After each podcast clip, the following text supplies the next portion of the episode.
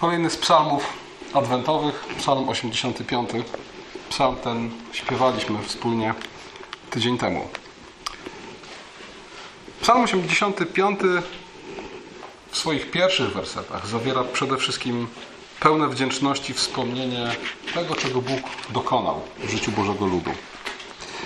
Łaskawym się okazałeś, Panie, dla Twej ziemi. Odmieniłeś los Jakuba.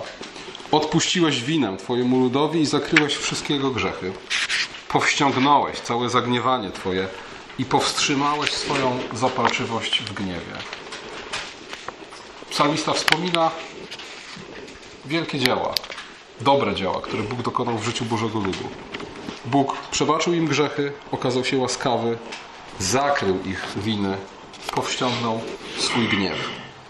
W drugiej części, w wersetach od 5 do 8, znajdujemy modlitwę o odnowę. Modlitwę o, dzisiaj byśmy powiedzieli, albo przynajmniej niektórzy by powiedzieli, modlitwę o przebudzenie. Odnów nas, Boże nasz Zbawco, Twego oburzenia na nas poniechaj.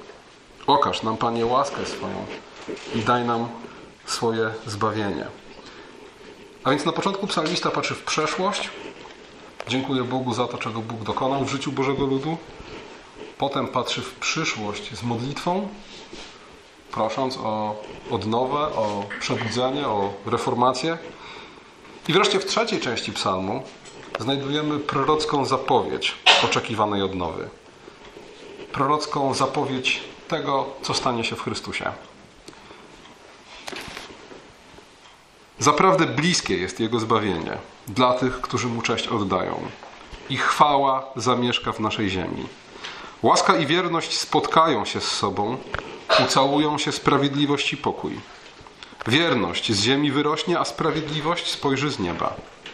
Pan sam szczęściem obdarzy, a nasza ziemia wyda swój owoc. Sprawiedliwość będzie kroczyć przed nim, a śladami jego kroków zbawienie. Mamy tutaj zapowiedź tego, co przyniesie ze sobą długo oczekiwany Mesjasz. Z naszej perspektywy historycznej jest to zwiastowanie tego, co Chrystus już przyniósł ze sobą, a czego może jeszcze nie widzimy w pełnym blasku. To oczywiście, że nie widzimy tego jeszcze w pełnym blasku, nie zmienia faktu, że rzeczy, o których mówi Psalm 85, nadeszły wraz z Chrystusem w całej swojej pełni. List do Hebrajczyków przypomina nam, jak to działa. Przypomina nam o tej zasadzie. W drugim rozdziale, od 8 do 9 wersetu, kiedy najpierw mowa jest o tym, że Bóg wszystko poddał pod stopy Chrystusa, autor listu pisze potem tak. Teraz jednak nie widzimy jeszcze, że wszystko mu jest poddane. Widzimy raczej tego, który na krótko uczyniony został mniejszym od aniołów. Jezusa ukoronowanego chwałą i dostojeństwem za cierpienia śmierci. A więc najpierw List do Hebrajczyków zwiastuje nam dwie prawdy o Chrystusie. Pierwszą, że na krótko został uczyniony nieco mniejszym od aniołów, i drugą, że Bóg wszystko poddał pod jego stopy. I mówi, tego, że Bóg wszystko poddał pod jego stopy, jeszcze nie widzimy. Teraz widzimy raczej to, że został na krótko uczyniony mniejszym od aniołów. Ale to, czego nie widzimy, nadal pozostaje prawdą. To, czego nie widzimy, nadal pozostaje realne. Dlatego, że jak nas Słowo Boże poucza, nie w oglądaniu, ale w wierze pielgrzymujemy. To, co Biblia mówi o błogosławionych owocach przyjścia Chrystusa, jest prawdą i przyjmujemy to wiarą, nawet jeśli przyjdzie nam poczekać długo na dzień, w którym to będziemy oglądać. Co takiego się dokonało? Co przyniósł na świat Chrystus? Słowo Boże mówi nam, że wraz z Chrystusem na świat przyszło Królestwo Boże. W Ewangelii Mateusza w 12 rozdziale, 28 wersecie czytamy, że nadeszło do nas Królestwo Boże. I oczywiście Słowo Boże poucza nas też, że Królestwo Boże jest jak ziarno gorczycy i jak odrobina kwasu, która z czasem zakwasi całe ciasto. Jak ziarno gorczycy, które z czasem stanie się okazałym krzewem, w punkcie wyjścia jednak jest małe i niepozorne. Co takiego się dokonało? Co takiego zapowiada Psalm 85? Chwała zamieszkała na ziemi. Łaska spotkała się z wiernością. A właściwie chyba lepiej byłoby powiedzieć, że łaska spotkała się z prawdą. Słowo, które w większości przekładów psalmów jest w tym akurat psalmie oddane jako wierność, Izaak Cylkow tłumaczy jako prawda. I rzeczywiście, oczywiście w tym słowie mieści się dość szerokie znaczenie i można je przetłumaczyć jako wierność, ale w tym kontekście chyba raczej chodzi o prawdę. A więc chwała zamieszkała na ziemi, łaska spotkała się z prawdą, sprawiedliwość ucałowała się spokojem, dobrobyt i plon pojawiły się jako owoc Bożego błogosławieństwa i od tej pory sprawiedliwość wyznacza nasze drogi. A więc chwała zamieszkała na ziemi, łaska spotkała się z wiernością, sprawiedliwość spokojem, dobrobyt i plon objawiły się jako owoc Bożego błogosławieństwa, a sprawiedliwość wyznacza nasze drogi. Co to znaczy? To znaczy, że rzeczywistość Bożego Królestwa, które nadeszło wraz z Chrystusem, to nierozerwalny związek łaski, prawdy, pokoju i sprawiedliwości. To pełna harmonia łaski, prawdy, pokoju i sprawiedliwości, których owocem jest sprawiedliwy pokój i dobrobyt. Rzeczywistość Bożego Królestwa to chwała oddana Jego Bogu, chwała, którą On jednak dzieli się z nami, otacza tą chwałą swoje dzieci. To chwała, która schodzi z nieba na ziemię i która zamieszkuje na ziemi. I teraz słuchajcie te zapowiedzi prorockie, które znajdujemy w Psalmie 85. A więc łaska spotyka się z prawdą, sprawiedliwość z pokojem. Warto zestawić z tekstami Nowego Testamentu, żeby zobaczyć, w jaki sposób to wszystko w Chrystusie się wypełniło. Kiedy aniołowie zwiastują narodzenia Chrystusa, mówią chwała na wysokościach Bogu, a na ziemi pokój ludziom, w których ma upodobanie. Jan, mówiąc o przyjściu Chrystusa w pierwszym rozdziale Ewangelii Jana, w 14 wersecie, mówi, że Słowo stało się ciałem i zamieszkało wśród nas i oglądaliśmy chwałę Jego. A z kolei w tej samej Ewangelii, w 17 rozdziale, 22 wersecie, Jezus mówi, ja dałem im, a zatem nam, chwałę, którą mi dałeś, aby byli jedno, jak my jedno jesteśmy. A więc widzimy chwałę, która rzeczywiście zstępuje na ziemię w osobie Chrystusa, ale Chrystus tej chwały sam dla siebie nie zatrzymuje, ponieważ dzieli się nią ze swoim ludem, ze swoim kościołem. I wreszcie chwała, która jest w niebie, owocuje pokojem na ziemi. Dalej, prologu do Ewangelii Jana, pierwszy rozdział, 17 werset, czytamy, że prawo zostało nadane przez Mojżesza, ale łaska i prawda przyszły przez Jezusa Chrystusa. Luther widział też echa psalmu 85 w liście do Rzymian, w piątym rozdziale, pierwszym wersecie, w którym czytamy, że usprawiedliwieni z wiary pokój mamy z Bogiem przez Pana naszego Jezusa Chrystusa. Luther mówi, nie ma pokoju bez sprawiedliwości. Pokój jest owocem sprawiedliwości, a sprawiedliwość poprzedza pokój. Zanim mógł nastąpić pokój pomiędzy Bogiem a człowiekiem, to musiała zatriumfować Boża sprawiedliwość. I oczywiście w Chrystusie, jak wiemy, zatriumfowała ona w ten sposób, że grzech ludzkości został w Chrystusie potępiony zgodnie ze sprawiedliwym Bożym wyrokiem, że nasze grzechy zostały wymazane kara, odpłata, słuszna odpłata za nasze grzechy została wymierzona Chrystusowi, który umarł za nas na krzyżu. I wtedy nastąpił pokój. Sprawiedliwość i pokój spotkały się ze sobą w Chrystusie. Pokój, prawdziwy pokój jest owocem tej sprawiedliwości. I wreszcie list do Rzymian, 14 rozdział, 17 werset.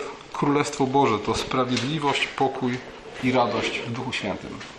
A więc jak widzicie, w Nowym Testamencie widzimy echa tego, o czym mówi Psalm 85. Widzimy to, że Królestwo Boże to rzeczywiście jest harmonia cnót. Tych cnót, które w Chrystusie zostały objawione w pełni i doskonałości.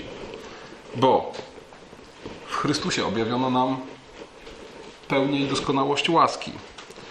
I to łaski, która została ufundowana na prawdzie. Bo zwróćcie uwagę, że Boża łaska to nie jest pobłażliwość dla naszych grzechów. Boża łaska nie polega na tym, że Bóg e, jak lekkomyślnie pobłażliwy rodzic po prostu odpuszcza nam nasze grzechy. Boża łaska jest ufundowana na prawdzie, na prawdzie o tym, kim jest Bóg, kim my jesteśmy, czym jest grzech, jakie są jego konsekwencje. Cała prawda leży u podstaw łaski, którą Bóg nam udzielił.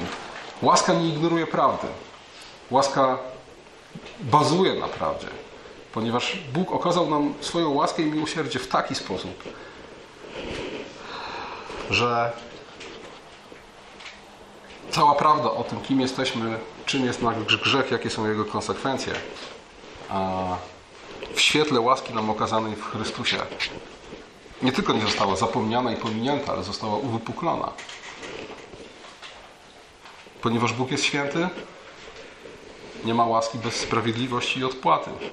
Ponieważ my jesteśmy grzeszni, sami tej łaski nie jesteśmy w stanie sobie wysłużyć. Sami też nie jesteśmy w stanie tej łaski przyjąć. Wszystko to dokonało się w Chrystusie. Wreszcie łaska i sprawiedliwość, które spotykają się w krzyżu, bo z jednej strony Bóg w sprawiedliwy sposób osądza grzechy ludzkości, skazując na śmierć człowieka, nowego Adama.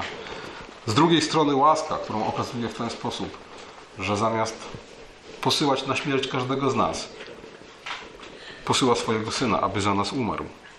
A więc łaska, która jest ufundowana na prawdzie, łaska, która spotyka się ze sprawiedliwością i wreszcie pokój, o którym mówił Luther, pokój pomiędzy Bogiem a ludźmi, a w konsekwencji też pokój pomiędzy ludźmi ufundowany na sprawiedliwości. Najpierw Bóg wypełnia swoją sprawiedliwość, zadość uczyni swojej sprawiedliwości i na tym buduje pokój pomiędzy Bogiem a ludźmi i pokój pomiędzy ludźmi. I wreszcie chwała, którą widzimy w Chrystusie, jest przeciwieństwem próżnej chwały, o której mówi apostoł Paweł w liście do Galacjan w 5 rozdziale w 26 wersecie, gdzie nas przestrzega, abyśmy nie byli chciwi próżnej chwały poprzez I, I, pisze tak, nie bądźmy chciwi próżnej chwały, jedni drugich drażniąc i jedni drugim zazdroszcząc. A więc te cnoty, których harmonia jest istotą Królestwa Bożego, one są w całej pełni doskonałości obecne w Chrystusie. One też są położone jako fundament Kościoła i Królestwa Bożego. Fundament kultury chrześcijańskiej, fundament tego, kim jesteśmy jako Kościół, naszej tożsamości, to jest harmonia tych samych cnót, które widzimy w Chrystusie.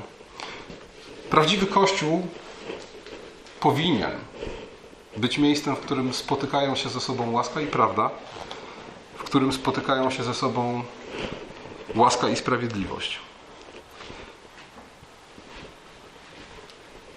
Chesterton napisał kiedyś, że świat jest pełen chrześcijańskich cnót, które zamieniły się w szaleństwo. Kiedy chrześcijańskie cnoty zamieniają się w szaleństwo? Wtedy, kiedy występują osobno. Ktoś kiedyś powiedział, że komunizm jest w gruncie rzeczy chrześcijańską herezją.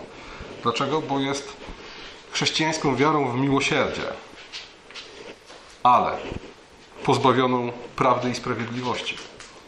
Jest wiarą w miłosierdzie, w to, że każdemu należy się troska, opieka, ale pozbawioną prawdy o tym, kim jest człowiek. Bo jak wiecie, komunizm jest utopią przede wszystkim dlatego, że ignoruje prawdę o człowieku. Ignoruje prawdę o grzechu, o motywacjach, które nami kierują. I wreszcie jest to miłosierdzie bez sprawiedliwości, ponieważ komuniści usiłowali zbudować miłosierdzie, depcząc sprawiedliwość, depcząc prawa należne jednostkom, rodzinom, narodom. Tomasz Sakwinu pisał, że sprawiedliwość bez miłosierdzia jest okrucieństwem, a miłosierdzie bez sprawiedliwości jest lekkomyślnością. Tak to rzeczywiście jest. Którakolwiek z tych chrześcijańskich cnót, łaskawość, miłosierdzie, sprawiedliwość czy, czy pokój, którąkolwiek z tych cnót chcielibyśmy praktykować, stosować, wprowadzać w życie bez pozostałych, e, będzie to oznaczało totalną katastrofę. Królestwo Boże to harmonia tych cnót. Kultura Królestwa Bożego to kultura, w której wszystkie te cnoty ze sobą się spotykają. Zwróćcie zresztą uwagę, na jedną rzecz. Psalm to poezja. Tutaj pewne rzeczy przekazane są nam za pomocą obrazów. I teraz jeśli w zapowiedzi tej mesjańskiej, chwalebnej przyszłości czytamy o tym, że łaska i wierność spotkają się ze sobą, a sprawiedliwość i pokój ucałują, co nam to sugeruje? Sugeruje, że jak dotąd jest inaczej, tak? Jak dotąd łaska i wierność się mijają ze sobą, a sprawiedliwość i pokój nie idą ze sobą w parze. A zatem problemem nie jest nawet to, że brakuje na świecie łaski, prawdy, sprawiedliwości, pokoju. Problem polega na tym, że one nie idą razem, że one nie pozostają ze sobą w harmonii. I wtedy staje się to, o czym mówił Chesterton. Nie? Mamy miłosierdzie bez prawdy i sprawiedliwości, które rodzi zbrodnię. Mamy, jak pisze Tomasz Sakwinu, sprawiedliwość bez miłosierdzia, która staje się okrucieństwem. Mamy miłosierdzie bez sprawiedliwości, które staje się lekkomyślnością. Mamy wreszcie to, o czym pisał Bonhoeffer, a więc tanią łaskę, głoszenie miłosierdzia bez sprawiedliwości i prawdy. Mamy łaskę, która staje się usprawiedliwieniem nie grzechu, a grzesznika w jego grzesznym postępowaniu. A zatem, jeśli oczekujemy Królestwa Bożego, jeśli oczekujemy, aby to, co w Chrystusie widzimy w całej pełni, jako owoc objawiało się w Kościele i w życiu każdego z nas, musimy trzymać się kilku prostych zasad. Po pierwsze, nie, nie oczekujmy pokoju tam, gdzie nie ma sprawiedliwości. I teraz niezależnie od tego, czy mówimy o relacji Bóg-człowiek, czy mówimy o relacji pomiędzy nami w Kościele, czy o jakiejkolwiek relacji między ludźmi, jeśli chcesz pokoju, zadbaj o sprawiedliwość. A zatem, jeśli chcesz żyć w pokoju z kimś, kogo skrzywdziłeś, zadbaj o to, aby naprawić krzywdę. Niech stanie się sprawiedliwość, która będzie fundamentem pokoju. Tak jak fundamentem pokoju pomiędzy Bogiem a człowiekiem jest sprawiedliwość, sprawiedliwy wyrok, który został wykonany na krzyżu. Sprawiedliwość poprzedza pokój. Nie ma szans na trwały pokój w relacjach między Bogiem a ludźmi, w relacjach między ludźmi, ale też w relacjach między narodami, jeśli nie jest ufundowany na pokoju. Dalej, nie oczekuj pokoju tam, gdzie nie ma prawdy. I to prawdy mówionej w miłości. Znowu, jeśli chcemy, aby relacje między ludźmi, czy to w kościele, czy gdziekolwiek indziej, czy w rodzinie, były ufundowane na pokoju, a nie na tak zwanym świętym spokoju, to fundamentem tego musi być mówienie sobie nawzajem prawdy w miłości. Pokój zbudowany na przemilczeniach, na tym, że nie poruszamy trudnych tematów, że nie rozmawiamy o pewnych rzeczach, że ukrywamy coś przed sobą istotnego, a jest to najwyżej tak zwanym świętym spokojem, a nie pokojem, o którym mówi Słowo Boże. A zatem sprawiedliwość i prawda mówiona w miłości to fundamenty pokoju. Dalej, nie próbuj zaprowadzać w swoim otoczeniu, w swoim kościele, w swojej rodzinie czy gdziekolwiek indziej sprawiedliwości bez łaski, bez miłosierdzia, bez łaskawości.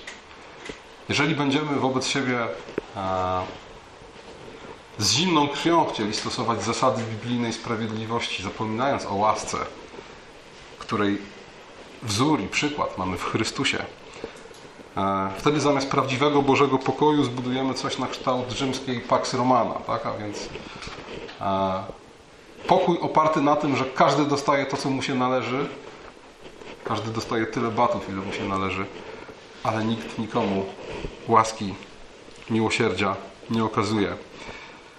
Tak samo, słuchajcie, nie da się zaprowadzić sprawiedliwości bez prawdy. No bo nie możemy oddać każdemu tego, co mu się należy, jeżeli nie staniemy najpierw w prawdzie o tym, kim jest Bóg, kim my jesteśmy wobec Boga i wobec siebie nawzajem.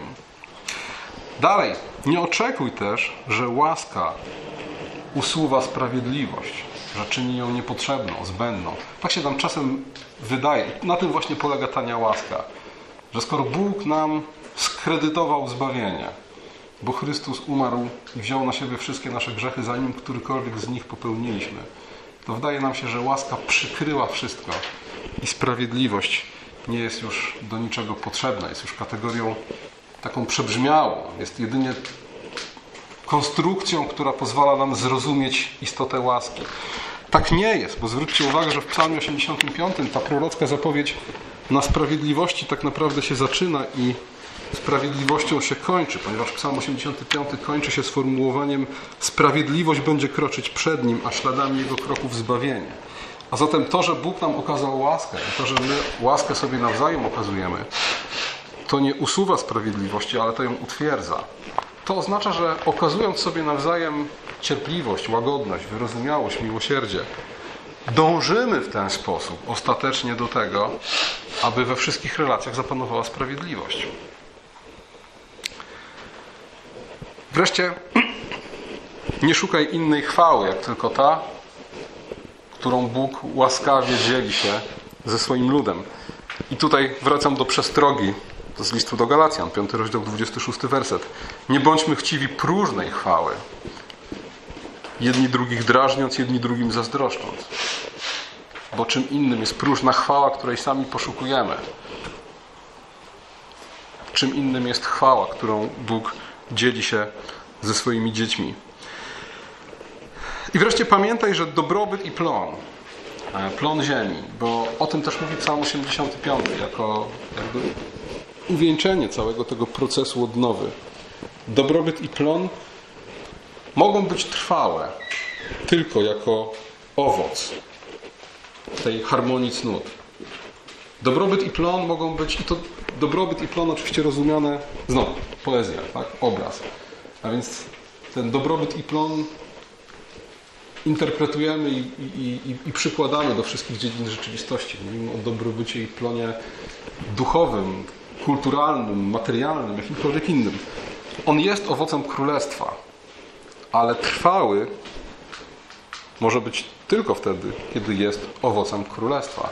Kiedy jest owocem tego, że w życiu naszej wspólnoty, naszej rodziny, naszego kraju spotkały się ze sobą łaska i prawda, sprawiedliwość i pokój. Z tego spotkania, z tego pocałunku, bo zwróćcie uwagę na to, że takimi właśnie, takim słownictwem posługuje się e, psalmista, nie? że one się ze sobą spotykają i całują i wyściskują, są w bliskiej zażyłości.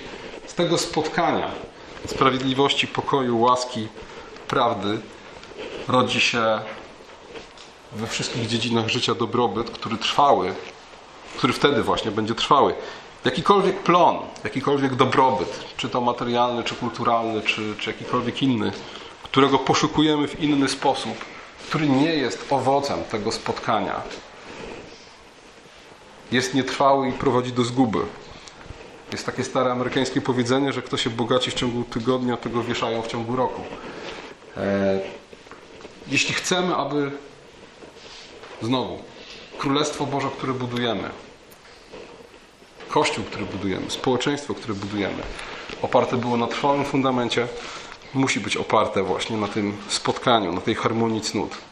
I to, reasumując, jest tak naprawdę droga do odnowy, droga do reformacji, droga do przebudzenia, zarówno w tej mikroskali pojedynczej rodziny czy pojedynczej wspólnoty, jak i w skali makro narodów i Kościoła powszechnego. Jeśli chcemy tej odnowy, jeśli chcemy tego rozwoju i wzrostu Królestwa, jeśli chcemy widzieć na własne oczy spełnienie obietnic, które w tym zakresie odnajdujemy w Biblii, dołóżmy wszelkich starań, aby pośród nas e, sprawiedliwość, pokój, łaska, prawda spotykały się ze sobą i trwały w harmonii. To, czego, to co widzimy w Chrystusie, to, co przyszło na świat wraz z Chrystusem w całej pełni. Tego oczekujemy jako owoc pośród nas. I mamy prawo tego oczekiwać umocnieni Bożymi obietnicami. Bożymi obietnicami na temat tego, czym jest Królestwo i w jaki sposób ono wzrasta. Naszą odpowiedzialnością jest, patrząc na Chrystusa, zaprowadzać we wszystkich kręgach naszego wpływu, we wszystkich wspólnotach, których jesteśmy częścią, rodzinnych, kościelnych czy jakichkolwiek innych, zaprowadzać pokój zbudowany na sprawiedliwości i prawdzie, wprowadzać sprawiedliwość, która jest pełna łaskawości i szukać tej chwały, którą Bóg łaskawie dzieli się ze swoimi dziećmi. Amen.